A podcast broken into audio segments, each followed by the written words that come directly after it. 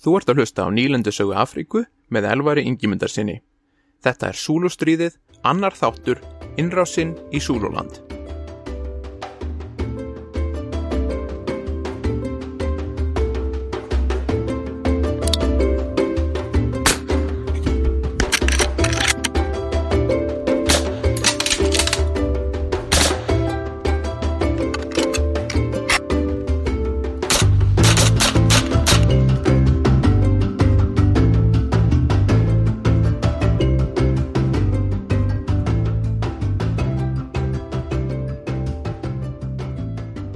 Síðasta þætti töluðum við um atbyrjuna sem leittu til Súlustríðsins 1879. Við töluðum um landnam búa nálat Súlulandi, landnam breyta á ströndinni við Durban og fyrstu átökin milli búa og súlumanna í bardaganum við Blóðá. Í þessum þætti munum við tala um bresku innrásina í Súluland sem hófst í janúar 1879 og endalok hennar í orustunni við Ísland vana. Þegar við skildum við söguna síðast hafði Bartól Freyr, landstjóri breyta í Suður Afríku, sendt loka skilmala til Setisvei og Kamapandi. Í súlumálinu þýði K einfallega són, þannig að Setisvei og Kamapandi er Setisvei og sonur Mapandi. Sér til aðstóðar í baróttinu við súlumenn hafði Bartól Freyr vinsinn Fredrik Þesíger undir hersöðingja í Breska hernum og barón af Chelmsford, sem aftast var kallaður lávarðurinn af Chelmsford. Chelmsford kom til Natal í ágúst 1879 og hótt tafalust að undibúa innrás í Súluland, mánuðum áður en Bartól Freyr sendi settis vei og lokaskilmála sína. Bretar hafði á þessum tímapunkti háð mörg stríði í Suður Afríku, aðalega gegn Sosa eittborgnum. Í þeim styrjöldum hafði þeir oft ráðið Afríkumenn í sína þjónustu til að þjóna með hersveitum breska heimsveldisins. Afríkumenn í slíkum hersveitum börðust undir stjórn hefðingja sinna og með hefðbundum afrískum vopnum. Þetta var ekki ný hugmynd, rómverska heimsveldið hafði á sínum tíma ráðið keltneska og germanska stríðsmenn í sérstakar hersveitir til að styðja við rómversku herdeldirnar og voru slíkar hersveitir nefndar oxylasveitir en oxyla þýði vara eða auka á latinu. Þegar lávaruna Kemsford kom til Natal hitti hann Dörnford undir offusta sem þá hafði yfir umsjón með afrískum hersveitum innan breska hersins í Suður Afríku. Dörnsvörd kynnti fyrir honum tillögur sínar að endurskipu lagningu þessara hersveita. Allir afrískir hermenn í þjónustu breska hersins skildu nú tilera svo kallum frumbyggjahersveitum. Fóringjar og undirfóringjar í frumbyggjahersveitunum skildu hafa rifla eins og breskir hermenn en óbreytir hermenn skildu áfram berjast með spjóti og skildi eins og Súlumann hefði gert um hundruði ára. Sangvæntinu nýja skipulagi Dörnford skildi frumbyggja hersveitunum vera skiptu upp í þrjár hersveitir. Fyrsta hersveitin skildi hafa þrjú herfylki og hersveit 2 og 3 skildi hafa tvö herfylki hver. Hvert herfylki hafði 95 kvítafóringja, 110 afríska fóringja og 900 afríska hermenn. Allir yfirfóringjarnir voru kvítir, en svörtu fóringjarnir voru yfirleitt korperálar eða liðþjálfar. Hver afrískur undirfóringi, það er að segja hver afrískur korporál eða liðþjálfi, skildi vera vopnaði með rifli og leiða nýju afríska hermenn sem skildi vera vopnaðir með spjóti og skildi. Fyrsta hersveitin var leitt af Dörnford undirofursta sjálfum, önnur hersveitin var leitt af Graves Major og þriðja hersveitin var leitt af Lonsdale sem hafði tignuna Commandant, en það var tímabundin tign sem var veitt fóringja hersveitar.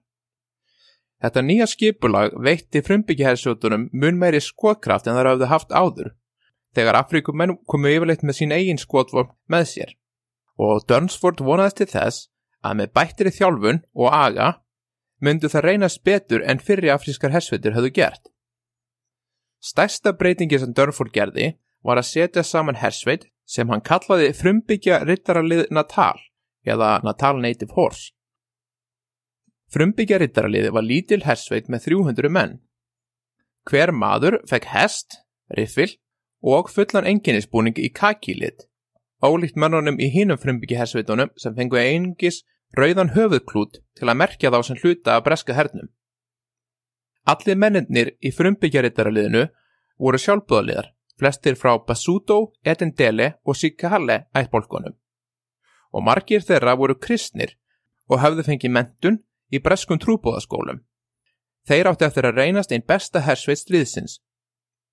Frumbyggja rittaraliði frá Natal var fyrsta afríska rittaraliðsveitin í breska hernum í suðurhluta Afríku og Durnford eitti miklum tíma í að finna vopn og vistir fyrir menn sína og í það að samfara kvíta yfir menn sína um það að svertingjar getur verið góði rittaraliðar. Dörnföld eitti líka miklum tími í það að reyna að finna almenlega fóringja fyrir frumbyggjahersveitinnar. Flesti menninnis voru sendið til hans voru menn sem ekki þóttu hæfir í, til þjónustu í fastahernum og margir yfirfóringja breska hersins litu á frumbyggjahersveitinnar sem góðan stað til að losa sig við óhafa menn. Einn af þessum fóringjum var ungur maður sem kom á skrifstofu Dörford og tilkynnti honum að hann hefði verið skipaður lautinant í frumbyggihersveitinni vegna þess að hann hefði sérstaklega góða hæfileika til að vinna með svertingum. Hér ungi lautinant tilkynnti Dörford að hann vissi nákvæmlega hvernig ætti að fá Afrikumenn til að berjast. Dörford spurði hann hvernig og lautinandi svaraði með því að standa fyrir aftan þá og láta svipuhögginn dinja á þeim. Dörnford svaraði unga manninum og sagði að hann hefði einungis eitt ráð fyrir hann. Vertu vissum að gera erðaskrá áður en þú byrjar að láta svipuhögginn dinja. Ástæðan fyrir því að Tjensford Lávarur byrjaði að undirbúa stríði svo snemma var svo að hann vissi að það myndi taka breska herin marga mánuði að gera sig kláran fyrir stríð í Suður Afríku. Það hversu langan tíma það tók fyrir herin að gera sig kláran var líka eina ástæðinu fyrir því að Bartulfer ákvaða neyða Súlumenn í stríð. Hann hafði ágjörað því að ef breytar byði eftir því að Súlumenn lísti við stríði, myndu Súlumenn hafa nánast frjálsar hendur í Natal og Transval. Það sem einu mennin til að verjast myndu vera heimavarnalíðar meðan breski herin væri fluttur frá höfðanílendunni til nýlendurinn í Natal og til lífveldisins í Transval.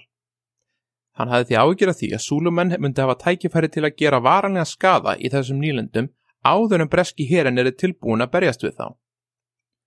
Hann hugsaði því að það væri miklu betra fyrir breska hinsveldið að berjast við súlumenn á tíma þar sem breski herin væri að fullu tilbúin til stríðsátaka en súluherin væri óviðbúin og flestar sveitir súlumanna upptegnar í setuliðstöðum en ekki skipulaðar í vývallarher. Einn af þeim sem dróst inn í undirbúning Chelmsford fyrir stríð setni hluta árs 1878 var hinn 26 ára lautinant Henry Charles Harford undirfóringi í 1909. fóðgöngulishersvetinni. Henry ólst upp í Natalnýlandunni á tópaks plantegru fóreldra sinna. Fadur hans var fyrirverandi fóringi í breska hernum og hafði áður þjóna sem höfðsmaður í tóltu rittaraliðsveitinni. Henry vildi feta í fótspór föður síns og því hjælt hann til Englands 1870 til að ganga í breska herin. Setniluta ás 1878 áður en Bartól Freyr sendi loka skilmála sína til Setis Vejó, bresku ríkistöndinu til Mikils Ama, fretti Henry af því að veri væri að kalla saman fóringja og hermenn til að fara til Suður Afríku og að Chelmsford hersuðingi hefði óskað eftir liðsauka frá bresku ríkistöndinni. Vegna þess að hann ótaðist að stríð myndi brjótast út við súlumenn á hverju stundu. Þetta var auðvitað hér sama stríð og hann og Bartól Freyr voru að neyða Súlumenn í. Vegna þess að hann hafi alist upp í Natal og talaði Súlutungumálið, taldi Henry sig að eiga góða möguleika á því að vera sendur til Suður Afríku. Hann fór því til yfirmann 1909. hersvitarinnar, Helman Offusta, og baði um leifi til að skrá sig í sérstakka þjónustu í Natal. Offustinn sem hafi mikla trú á þessum unga undimanni sínum, gaf Henry leifi og sendi umsókn hans um þjónustu í Natal ásað meðmælinn sínum til stríðskrifstofunar í London. Henry hjælt til London með lest og hitti Martin Dillon Henry hersuðingja sem skipaði honum að taka tafalu skip til Natal nýlendunar. Á setni hluta 19. aldar þurftu yfirmenn í breska hernum að sjá sjálfum sér fyrir búnaði og enginnisbúningum. Henry eitti því restina deginum í innkaupum í búðunum í London kefti ferðaföt og allan þann búnað sem hann taldi sig að hafa þörfa á í Afríku. Seinustu kaupin voru há leðurstífali sem hann vissi að væri nöðsileg til að lappa í gegnum þjætta þyrnirunana í Natal og Súlulandi. Hann tók sína lestina til Dartmouth og fórum borð í gufuskipið Edinburgh Castle sem var á leiðinni til Durban. Káetu félagi hans á ferðinni var annar ungur fóringi, Horace Smith Dorian, sem var setna frægur fyrir að leiða breska herin í fyrri heimstriöld, en var á þessum tíma ungur fóringi á leið til Afríku. Eftir komuna til Durban fóru Henry og fleiri fóringjar með hestvagni til Peters Marisburgs til að hitta Chelmsford hersöðingja. Vegna þess að hann talaði súlumálið skipaði Chelmsford Henry yfirmann fóringjaráðsins í þriðju frumbyggihersveitinni, þar sem hann myndi hafa þar hlutverk að miðla málum villið afrískra og evróskra fóringja í hersveitinni. Vegna þess að hann var nú komin í fóringjaráðið hækkaði kaupans upp í tíu skildinga á dag, ekki slæmt kaup fyrir ungar mann 1878. Vegna þess að hann var nú ofinberlega orðin hluti af innrásaliðinu, fekk Henry nú úthlutað smáhesti og rifli, en þurfti sjálfur að borga fyrir beisli og nakk, auk þess sem að festi kaup á öðrum smáhesti. Með tvo hesta til reyðar var hann nú tilbúin að halda til vikstuðana. Þegar hann kom til búða þriðju frumbyggjahersveitarinnar komst Henry að því að hann var einna seinustu evrósku fóringjónum til að mæta á svæðið.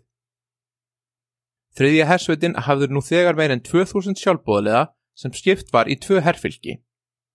Hver afrísku sjálfbóðliði fekk útluta teppi og rauðan höfuklúb svo aðrir herrmann í breska hernum sæju að hann væri vinnveitur afríkumadur en ekki súlumadur.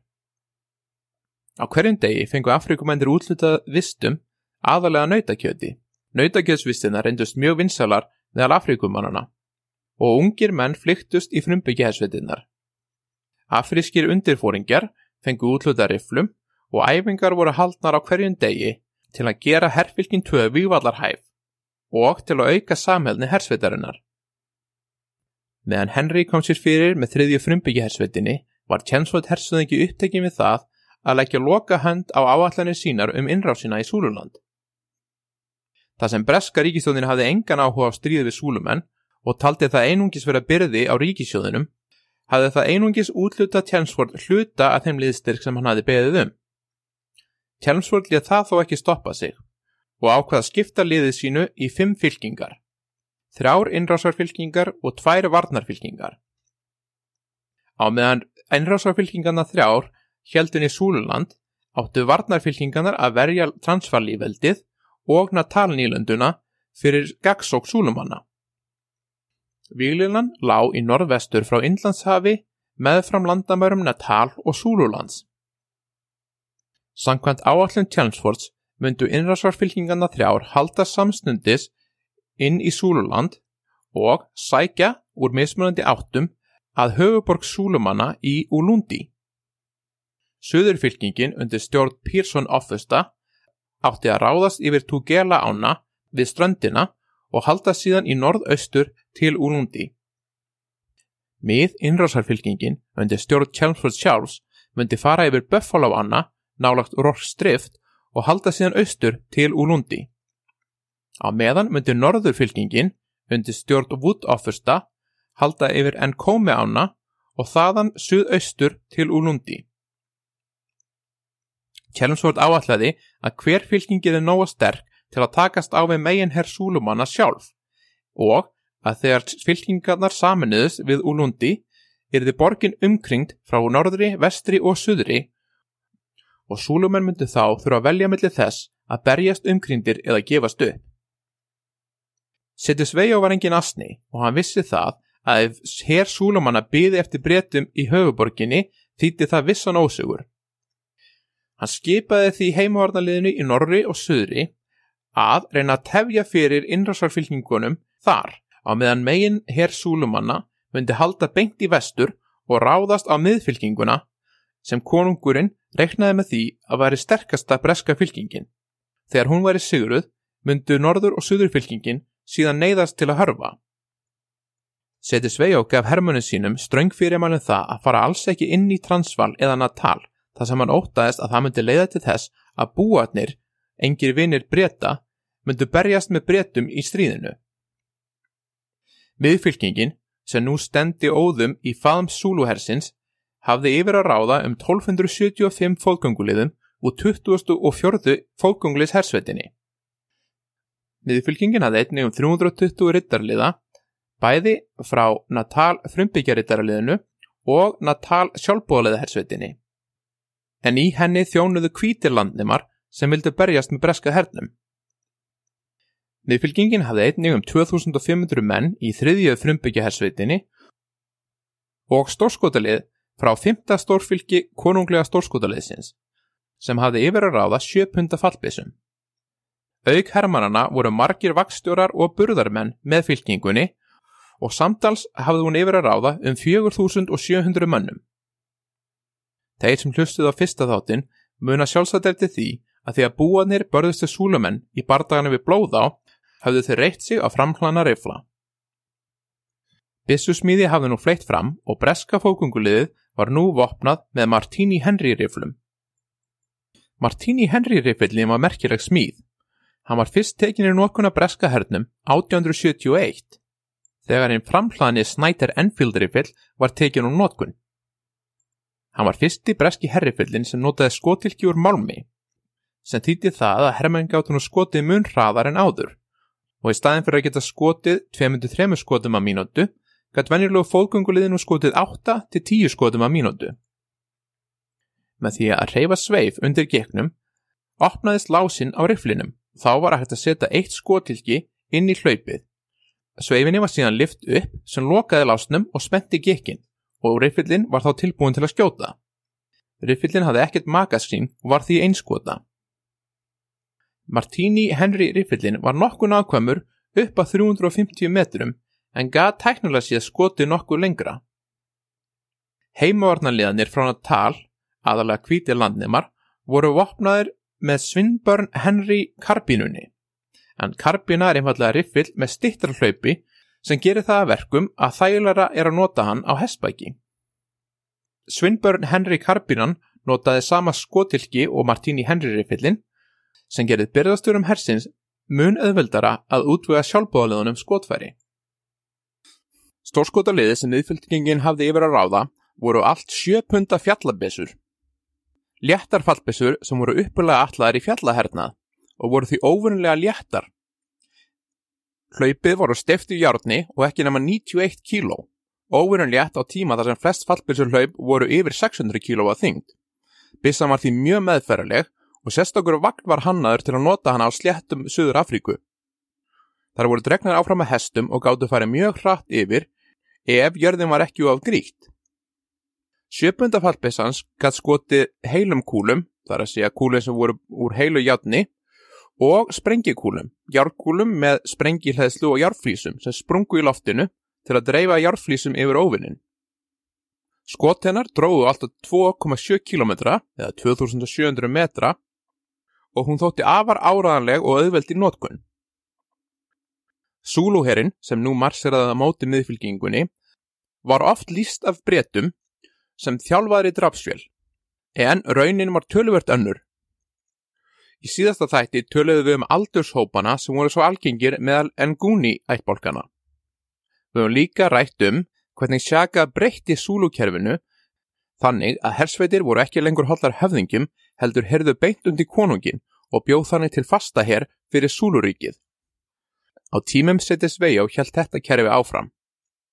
Með nokkru ára millibili kallaði konungurinn saman alla unga menn að aldrinum 18-19 ára og skipaði þeim að mynda í bútó eða hersveit.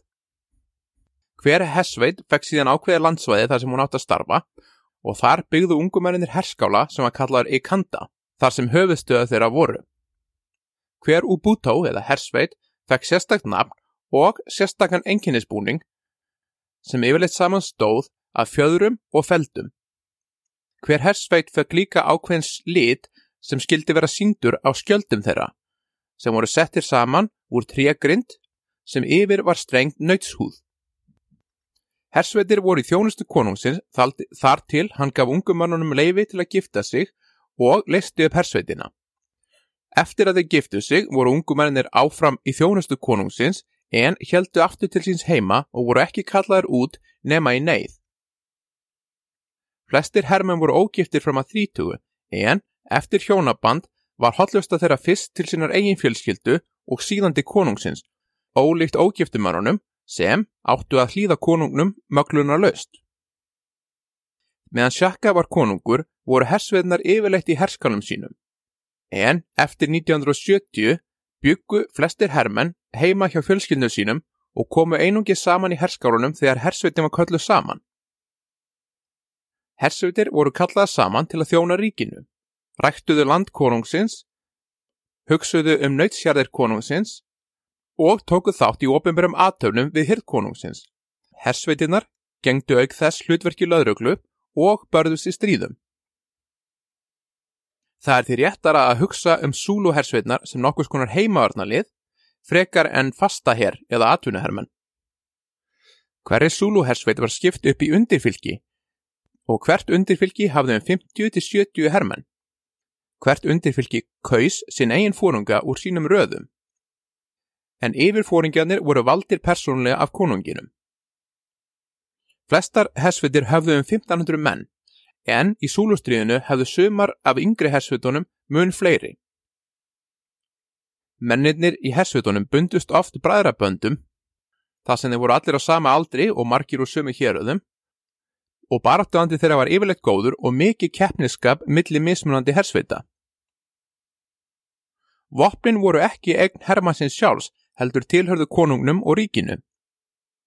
Þau voru framleitt í vopnabúri konungsins og geimt í herskálunum þegar hersveitin var ekki í þjónustu.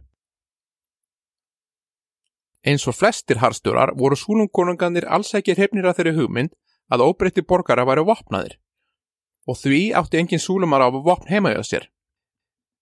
Ríkisvaldið í Súlunlandi var þó of veikt til að framfylgja slíkri skipun og flestir og flestir súlumenn áttu eitthvað skona skotvapn sem þeir hefðu keitt frá portugalskum kaupmönnum eða búum. Slík vapn voru yfirleitt framhlanningar eða riflar og átt töluverð slitinn en mun gagleri í bardaga heldur en spjót og skjöldur. Súlúkonunganir heldur þó staðfastlega fram þeim rétti sínum að einungis þeir hefur rétt til að framleiða og dreifa vopnum í Súlunlandi og það er eina af ástafunum fyrir því að Súlúhersveitna voru ekki vopnaði með skotvopnum vegna þess að konunglega vopnabúrið hafði einfallega ekki teknilega burði til að framleiða skotvopn. Vegna þess að konunglega vopnabúrið framleiti ekki skotvopn voru hersveitnar aldrei þjálfaðar í meðferð skotvopna. Jafnvel þó að margir hermenn kæmi með skotvopn heiman frá þegar hersveitin var kölluð saman. Ólíkt bresku hersveitunum fóru hersveitir súlumanna mjög hratt yfir og gáttu marsirað alltaf 30 km á dag. Þeir hafðu enga byrðalest en tóku oft með sér nautgrepahjarðir við upphaf hernaðar. Þegar nautakjöti kláraðist, lifðu hermenni síðan á landinu sem allir töluverðin vandræðum í súlustriðinu vegna þess að það var allt háð inn í Súlunlandi og hermun neittust því til að stela frá óbreytum borgurum til að svelta ekki í hel.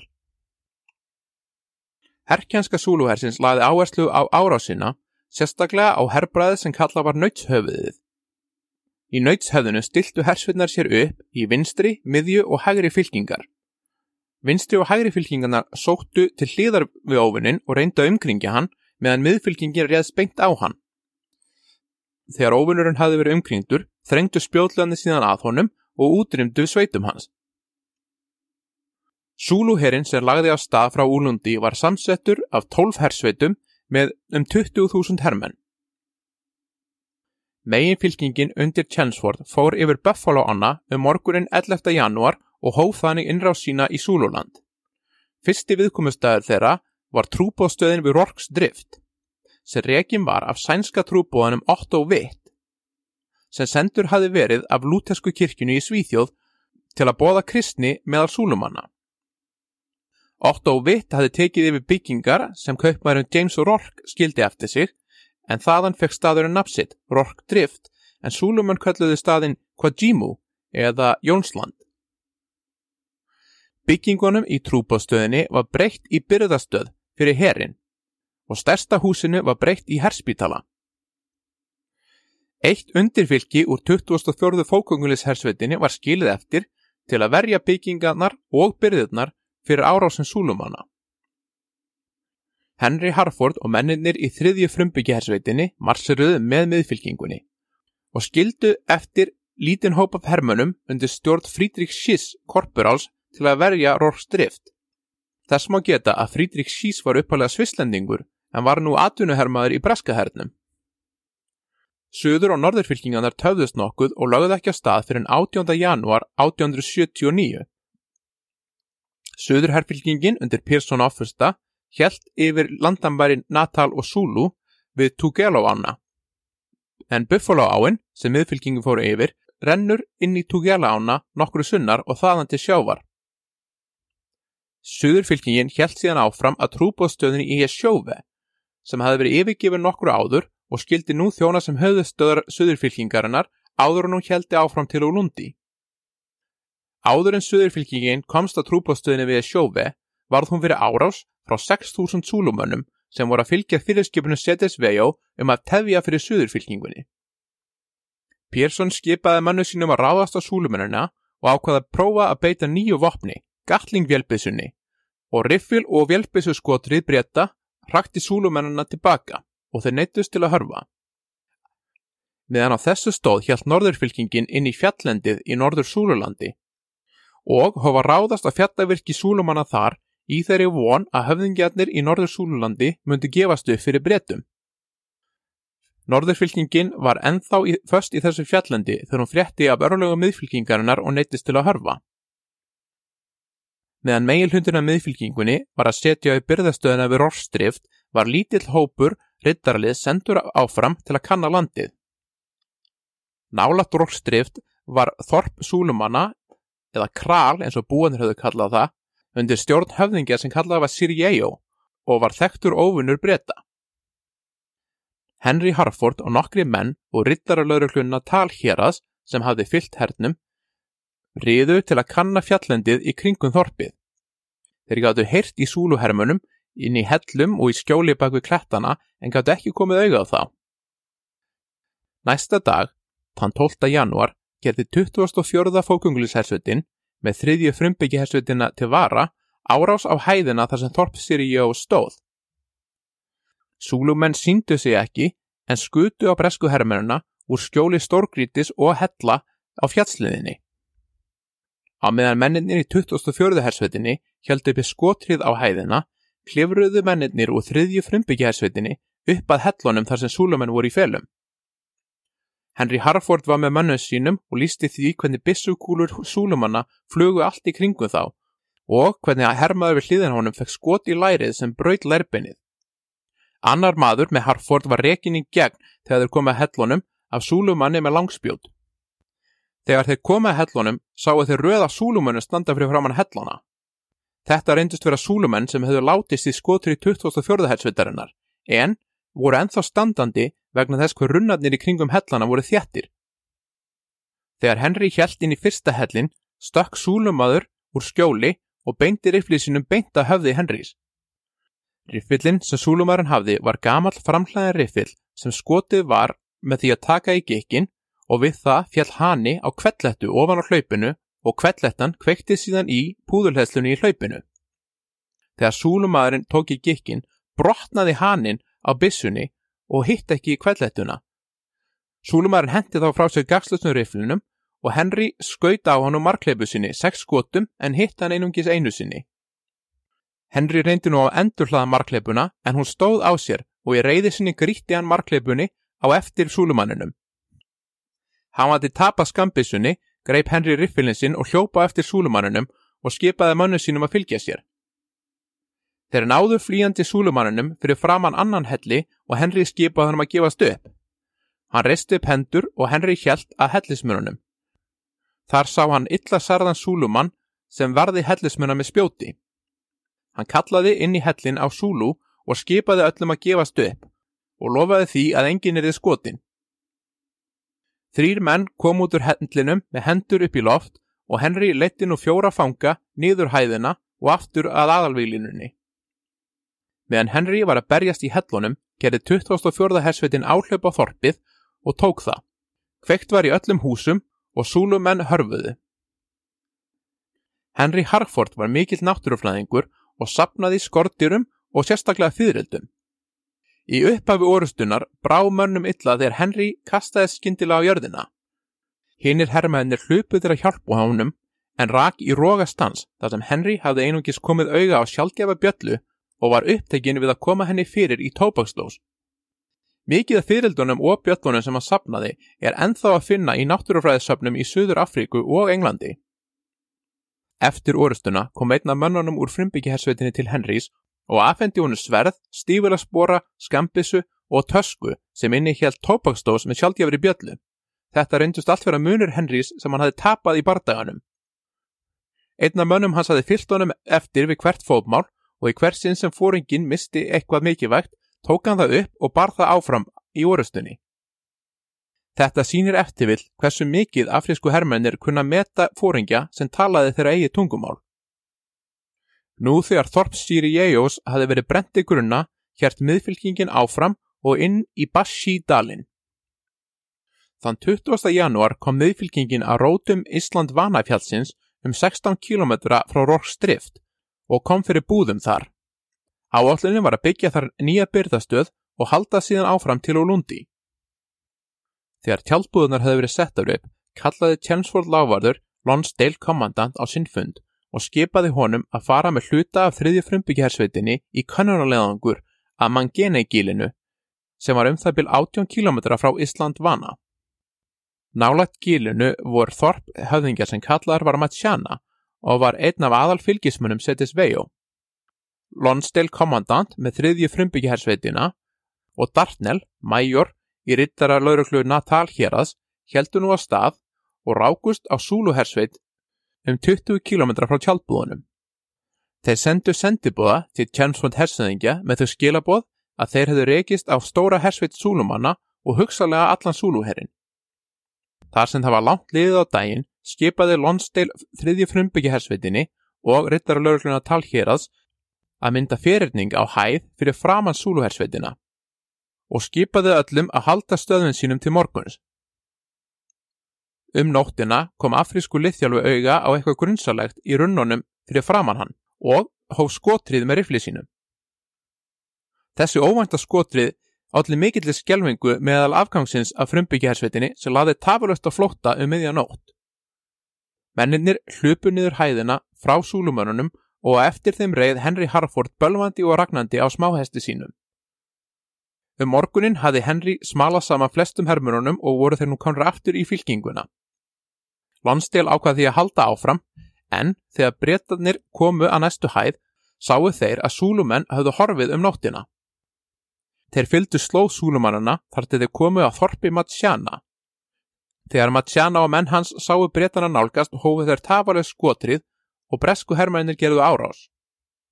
Súlumenn hafðu grafið sillur í hæðina þaðan sem þeir gáttu skotið niður á breytana þegar þeir nálguðust. Blaðamaður sem hétt Charles Norris Newman, hann var alltaf kallaði Knox af bresku hermurunum, fyldist með bardaganum. Í frétt sinni af bardaganum skrifaði hann Harford Leitinand jók enn við orðstíðsinn með því að ráðast einsamall á sillu fulla af súlumönnum þar sem hann skauð tvo menn og tók hann þriðja til fanga. Gæfan verist fylgja þessum unga fóringja megi hann lengi lifa. Útgafa Henrys af atvikinu var aðeins öðruvissi. Samkvæmt honum hafði hann læðist alveg upp að sillunni þegar hann sá Súlumann standa upp til að skjóta niður á brettana. Hann skaut Súlumannin niður og stokk síðan upp á silluna. Þar voru einungist tveir Súlumenn, annar þeirra nú þegar látin og hins særður eftir skot Henrys.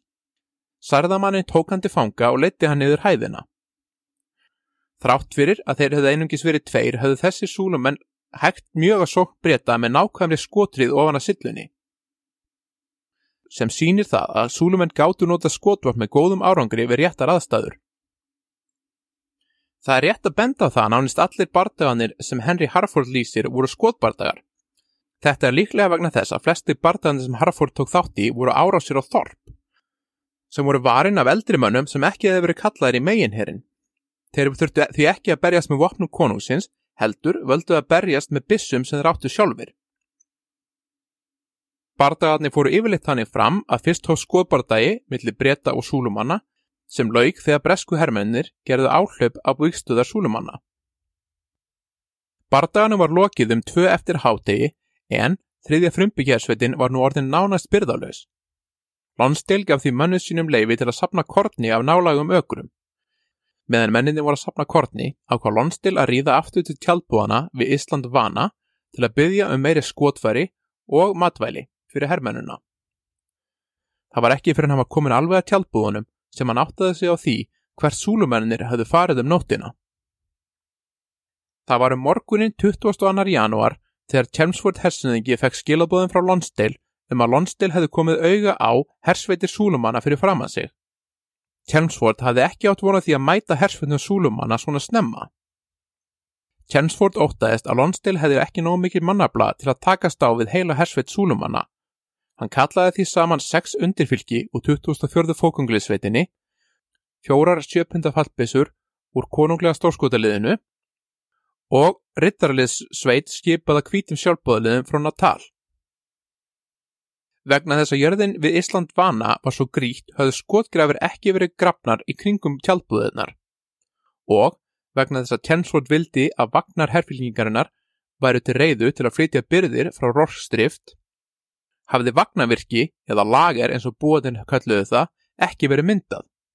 Það var næstu því eins og Tjensford litið svo á að leksíunar sem búar höfðu lært í Afrikuhernaði gildu ekki um atvinnuhermen eins og mennina í breska hernum. Þegar Chelmsford hjælt á stað með liðsökan til Lonsdale um klokkan fjögur um morgunin skipaði hann Henry Pulain undir áfyrsta að verja tjálbúðunar. Til að verja tjálbúðunar og alla byrðalest miðfylkingarinnar hafði Pulain undir áfyrsti 6 undirfylki úr 2004. hersveitinni, tvær sjöpunda fallbissur úr konunglega stórskotaliðinu, um það byl 100 rittaraliða, hvita sjálfbúðaliða frá Natal og fjögur undirfylki úr þriðju frumbyggjahersveitinni.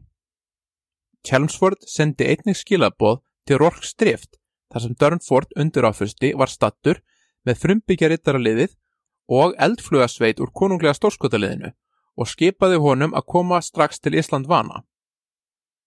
Þegar Durnford kom með menn sína voru um það byrj 67 fóringjar og 1700 menn í tjaldbúðunum við Ísland vana.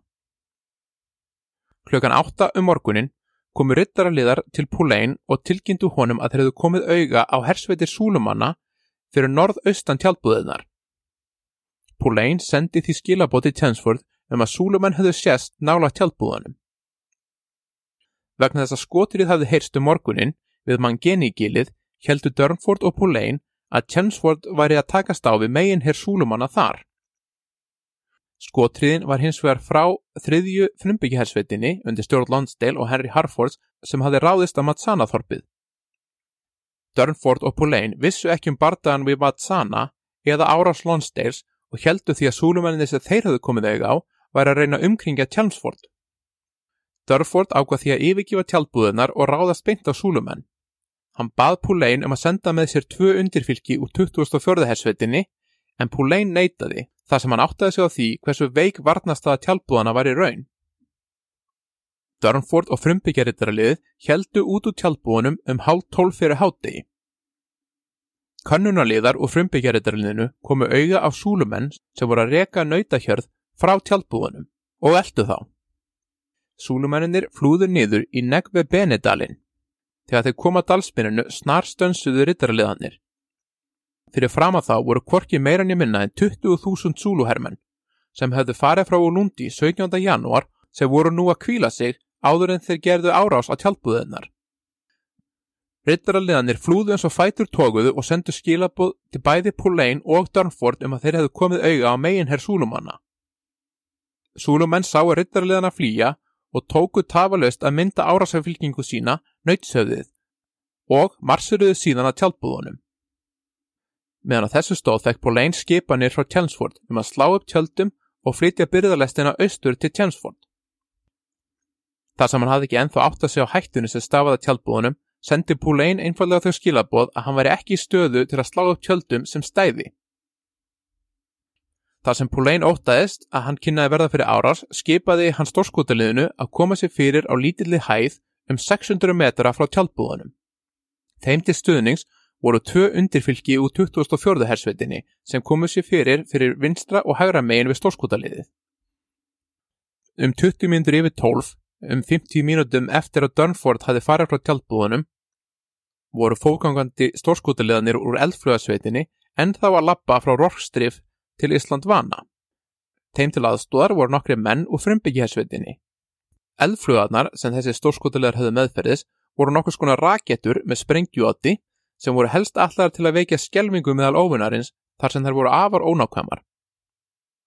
Skyndilega sá stórskotaliðanir hóp súlumanna á hæð hægra megin við þá. Russell Major skipaði mönnu sínum að setja upp eldflugaskotpallana. Þeir náða að setja upp pallana og skjóta einni hrínu af eldflugum áður en súlumennir komast í riffilfæri og hófu skotrið á þá. Aðstofamenn þeirra og frumbyggjahersvitinni lögða þá tafurust á flótta og súlumennir gerðu áhlaup niður hæðina og drápu stórskotileðan í návíi fyrir utan þrjá stórskotileða sem sluppu á hlaupum. Meðan lífið var mörkað úr stórskotaliðunum í eðflugasveitinni, heldur Dörnford og frumbyggjarritarlið áfram að hörfa frá Nengvum Benidalnum í átta tjálbúðunum. Þegar þeir koma þurrum orfarvegi rúman kílometr frá tjálbúðunum, fóru þeirra baki og hófu skotrið á súlumennina sem höfðu eld á. Nákvæm skotrið súluritarliðsins og sjálfbúðaliðana frá Natal neytti súlumenn til að leita skjóls og sókt þeirra stöðvaðist. Flesti rittaraliðanir höfðu hins var 60 eða 80 skot fyrir rifla sem gáttu skotið 8-10 skotum að mínútu. Það fór því fljótt að renna á skotfærabyrðið þeirra og menn voru sendir til að ná í meiri skotfæri. Í uppnáminu í tjálpbúanum gáttu rittaraliðanir ekki fundið skotfæravagna sína og byrðastjóri 2004. hersveitarinnar neitaði aðfenda þeim skotfæri með þeim orðum að skotfæri fastahersins væru ekki allu sjálfbúðaliðum en frumbyggjahersveitirnar og sjálfbúðaliðarnir frá Natal voru flokkaði sem sjálfbúðaliðar til að greina þá frá atvinnuhermununum í 2004. hersveitinni. Breska výlinan lág nú í bóginni línu frá rótum Íslandvana til vinstri þar sem menn úr 2004. hersveitinni og þriði frumbyggjahersveitinni heldu vinstri hliðinni. Í miðjunni voru síðan fallbjörnsur stórskútaliðsins stuttar að tveimur undirfylgjum úr 2004. hersveitinni og til hægri við árfarvegin rittarlið Dörnfors stutt af sveitum úr þriðju frumbyggjarsveitinni sem Púlein hafi sendt til að styðja við rittarlið Dörnfors þegar hann sá að það var í vandraðum. En fjögur undirfylgi úr frumbyggjarsveitinni höfðu verið skilin eftir þegar Lonsdale lagði á stað í konunarliðangur sinn. Rittarliði var hins vegar nána skotfærlaust og súlumenn voru komur alveg að árfarveginum. Dörnfors skipaði því mannu sínum að fara aftur á Hesbag og ríða til tjálpúðana til að fylla skotfæratöskunar og koma upp nýri vikstöðu. Þegar menninir í frumbyggjahersvetinni sáu rittaraliði stíga á bak og ríði í burtu hljóf mikið skjelvinga á þá og margir að köstuðinuðu vopnu sínum og hlupi í burtu. Nú, þegar menninir og frumbyggjahersvetinni höfðu flúið og rittaraliði hörfað, var undirfylgið hægra megin við stórskotaliði gjörsanlega berskjaldað fyrir árás frá hægri Þegar Púlein sá þetta skipaði hann öllum undirfylgjum úr 24. hersvetinni að hörfa til tjálpúðana og mynda nýja varnarstöðu þar. Þegar breska fókungliði byrjiði að hörfa kvarf skotriðin sem hafðis haldið súlumannum í fjarlæð. Súlufóringin beint fyrir framar výlinu breyta skipaði mannu sínum að gera áhlaup á bresku výlinuna. Súluhersveitnar til hægri og vinstri vildu ekki vera minni menn og gerðu líka áhlaup og skyndilega var allur súluherrin á reyfingu. Stórskotalið hörfaði ekki, heldur hjælt áfram að skjóta til að reyna að gefa fókunguleginu svigurum til að mynda nýja varnastöðu. Á síðustu stundu tókst að draga fallbjössnar í burtu þrátt fyrir að margi stórskotaliðar væri feldir af súlumönum í návegi. Þegar þeir sá að súlumön væri komnir alveg að þeim, reyndu undir fylgi 2004. sveitarnar að mynda fyrirninga. Fylkingu sem var yfirlegt nótu til að verja strittaraliði en gæti einni reynst vel gegn fóðgönguliði með frumstaf vopnis og spjót. En það var of seint, súlumennir voru komnir of nálagt og blóðugur návi í hópst, þar sem littir hópar breskra hermana börðust til síðasta manns þar til þeir eruðu skotfaralausir og súlumenn báruð þó ofurliði. Þegar hann sá að staðan var vonlaus, skipaði Darnford undir áfusti mönnu sínum í frumbyggjarittarliðinu að brjótast í gegnum výlinur súlumanna og hörfa til Rorks drift. Sjálfur barðist hann til síðasta manns á samt Púlein undir áfjösta og fjallu þeir báðir í bardaganum um tjaldbúðunar. Meðan búðurna fjallu hlupu þeir sem eftir liðu niður veginn til Rorkstrift. en þeir áttuðu sér skyndilega á því að hersveit Súlumanna hafði loka veginn til Rorks drift. Þeir begðu því til vinstri niður í grítan lækjarfarveg. Þessi slóðu var hins var of grítur fyrir sjöpundafallbissunar og þær festust báðar og allir stórskotaliðanir fjallu þegar þeir enda að berja bissunar fyrir Súlumannum. Eitt korporál og þriðji frumbyggjarsveitinni lagði hendur á smáhest Henry Harfords sem hafi verið skilin eftir í tjálbúðunum og reið í gernur línur Súlumanna þar til hann komst til Rorks drift. Einungis örfáur menn náðu að flýja og af þeim 1700 mönnum sem hefðu verið í tjálbúðunum um morgunin voru einungis 460 á lífi, 60 breskir hermenn og 400 afrískir hermenn. Meira en 1200 hermenn úr breska hernum lágu í valnum í kringum Íslandvana og með þeim vonir breyta um skjótan sigur í súlústriðinu.